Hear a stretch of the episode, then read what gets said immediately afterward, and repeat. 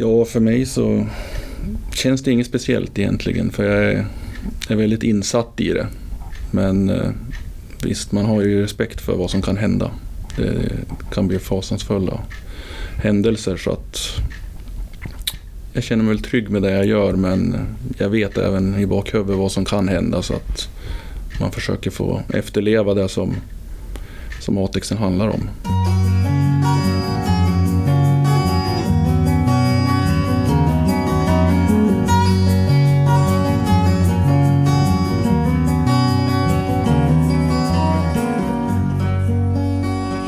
Och välkommen till Teknikutbildarkvarten.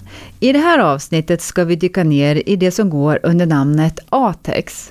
Ni hörde nyss Thomas Redbrink som jobbar på Neurons Stockvik site utanför Sundsvall.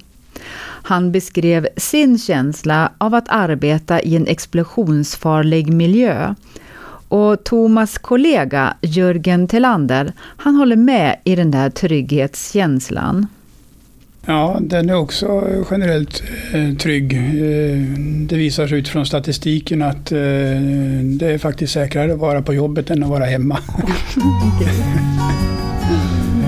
Men hur säkra ska vi egentligen känna oss i en ATEX-klassad miljö?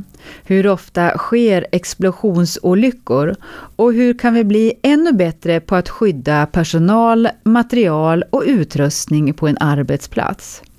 På Neuron skedde en incident för inte allt för länge sedan. Vi hade en för eh, drygt tre och ett halvt år sedan i början på 2016. Mm. Eh, där en eh, packmaskin för oss brann upp i källarvåningen i en av lokalerna här. Och det var helt enkelt på grund av att materialet kom ut och kom till en tändande gnista någonstans. Och eh, maskinen brann upp helt enkelt men eh, det var ingen person som kom till skada. Tvärtom så kunde de eh, göra en insats och hjälpa till. Och, och det automatiska brandlarmet fick dit våran brandstyrka då i, i god tid innan det hade eskalerat vidare och blivit värre.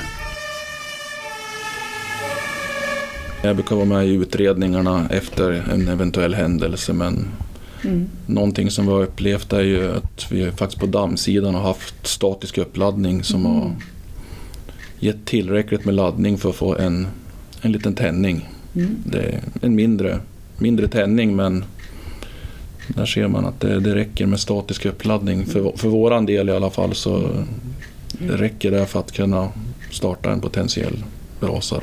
Mm. En annan som kan mycket om Atex är Per-Ingvar Bengtsson.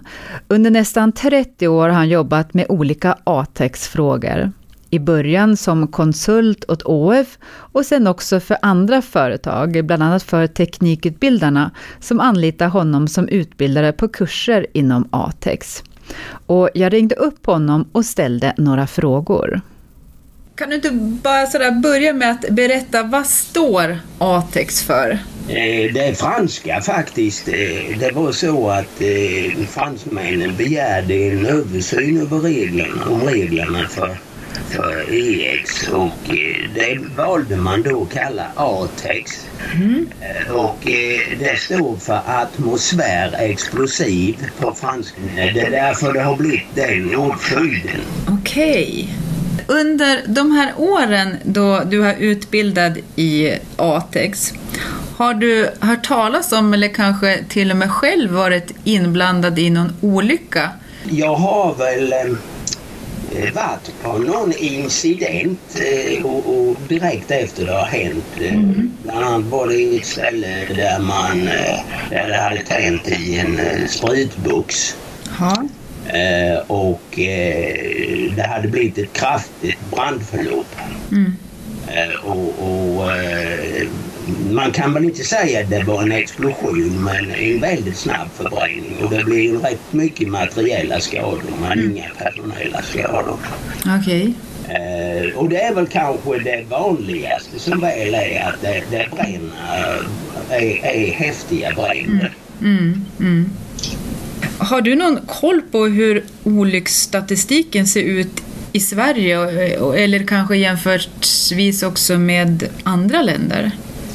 Ja, alltså vi är ju som jag uppfattar det ganska förskonade i Sverige. Men eh, visst händer det explosioner eller åtminstone snabba brandförlopp. Mm. Eh, enligt eh, Arbetsmiljöverkets hemsida mm. Som i sin tur hänvisar till Säkerhetsverket så säger man då att det, det händer ungefär en dammexplosion i veckan. I Sverige? Ja, i Sverige ja. ja. Eh, och, och det, det, däremot följer jag ju äh, även vad som sker internationellt. Ja. Äh, och äh, jag har något som heter Tony, eller hur det nu uttalas. Mm. en rapport och de, de skickar en rapport varje vecka. Och, och som det ser ut just nu så är det ungefär tre till fyra eh, dammexplosioner det i huvudsak de koncentrerar sig på i veckan. Och det är då över hela världen. Vilken arbetsplats eller kanske vilken personal är det som är mest utsatt för explosionsrisker? Ja, alltså det är fler än man tror. Ja. Eh, det, det är väldigt många arbetsplatser som eh, hanterar lösningsmedel mm. Eh, av olika slag. Eh, målningsanläggningar där man målar har man ofta lösningsmedel i färgerna. Yeah. Och, och, den personalen som hanterar detta de utsätter sig ju. Eh, sen är det ju bränslehantering. Mm. Det är med en stor sektor. Mm, mm. Sen, sen när vi då kommer in på eh, damm Ja. ja. Ja, då finns det på väldigt mycket arbetsplatser damm. Eh, vi har i, i Småland här har vi väldigt mycket snickeriverksamhet. Mm, just det. Ja. Och, och eh, man, i möbelindustrin så bildas det mycket trädamm. Mm. Eh, och sen har vi ju metallindustrin där man blästrar innan målning. Mm. Eh, och sen har det kommit mer och mer de senaste åren pulvermålning. Ja, ja. Eh, och, och, det är ju metall i huvudsak man pulvermålar.